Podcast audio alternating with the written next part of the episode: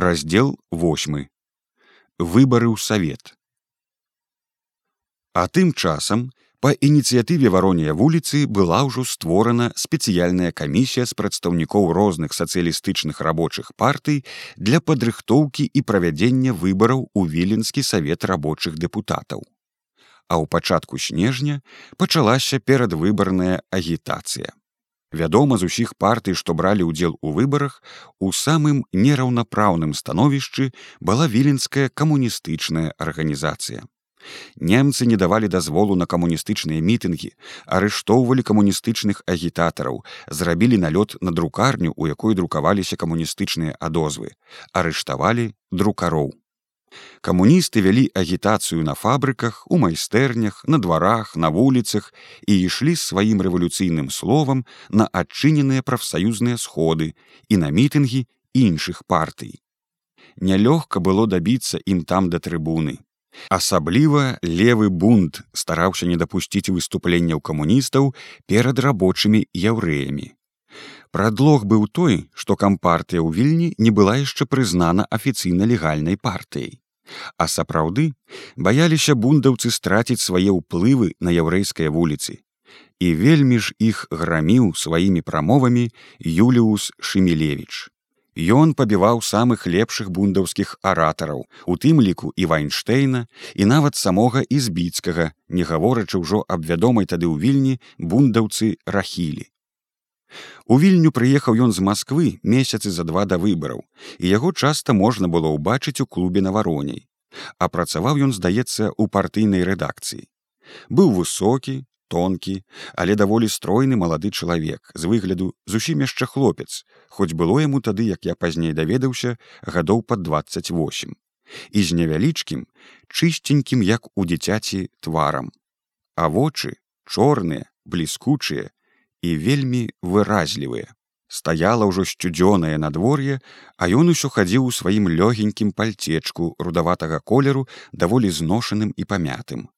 І насіў чорны шыракаполы капялюш, краі якога пазагіналіся дзе ўніз, дзе ўгару. Пальцечка не зашпілена ці зашпілена абы як на адзін-два гузікі. Капялюш то троху на патыліцы, то троху на баку, а то насунуты на самыя вочы. Аднак жа і пры гэтай апошняй пасадцы капелюша на твары шемелевіча вечна вясёлая юнацкая ўсмешка. Паглядзіш на яго вясёлы і бесклапотны дзяцюк, а пачне гаварыць усё нутро ва ўсіх пераверне да буйнай радасці і да слёз. Вось і пазнай ты чалавека.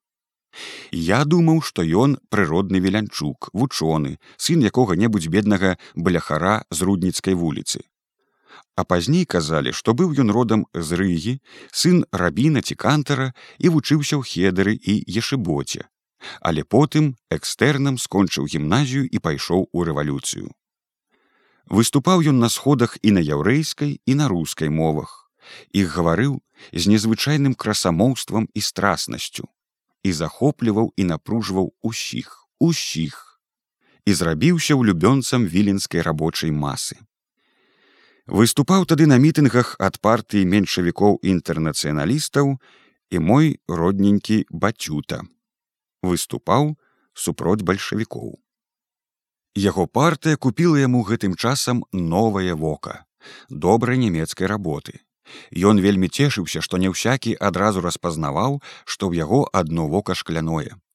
І выступаў і быў у добрым гуморы. А мне было так брыдка што я нават меркаваў з'ехаць з юзяю на другую кватэру. Аж вось аднаго разу на адчыненым прафсаюзным сходзе ў клубе на былым губернатарскім завулку яго моцна асвісталі за крытыку савецкай рассіі.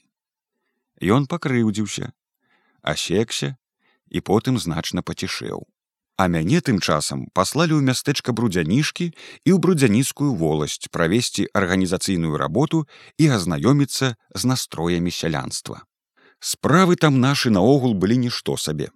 У брудзянішках ужо вёў актыўную работу рэвалюцыйны камітэт. На чале яго стаяў мой даўны прыяцель каваль Арон, абрамаў сын, зэлікаў унук.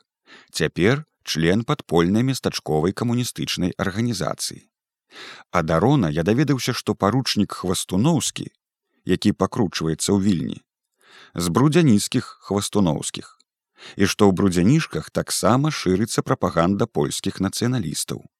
Прыезджыя з вільні пэовякі запісваюць каталіцкую моладзь у легіёны.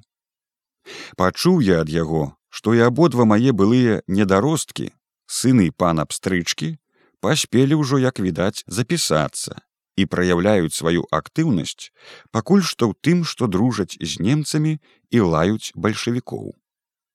Кепска ты іх некалі вучыў, пажартаваў арон, мы іх цяпер лепш навучым. Што да настрояў у ваколічных вёсках, дык жылі тут галоўным чынам сяляне беларусы праваслаўнай веры. Палякаў яны спрадвеку не любілі. Сяляне ж католікі, хоць можа і хацелі б быць у Польшчы, але пісацца ў легіёны і не думалі, і яны чакалі адыходу немцаў і прыходу чырвонай арміі. Але ж і толькі таго. Усе сяляне нічога не рабілі, сядзелі збоку ад падзей, каб нікуды ім не ўлезці, каб ні ў чым не замяшацца. От хай сабе там нехта нешта робіць, а наша дело старана. З гуртаваўткі я так сяк у вёсках чатырох, паколькі чалавек з былых салдатаў, што паварочыліся дамоў з рассіі падбодрыў іх, даў ім план работы. Мушу сказаць, што калі ехаў я з апошняй вёскі на станцыю, дык настрой у мяне быў далёка невясёлы. Па-першае, раз'ела мяне мая асабістая рэфлексія.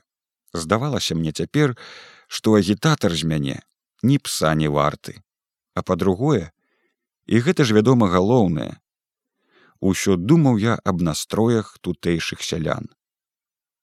З гутарак у клубе на вароней было мне ўжо тады вядома аб тых паўстаннях супроць немцаў цэлых вёсак, што адбыліся ўлетку гэтага 1918 года каля барысава, бабруйска і ў іншых мясцовасцях усходняй беларусі, дзе да прыходу немцаў сяляне пабывалі пад уладаю саветаў.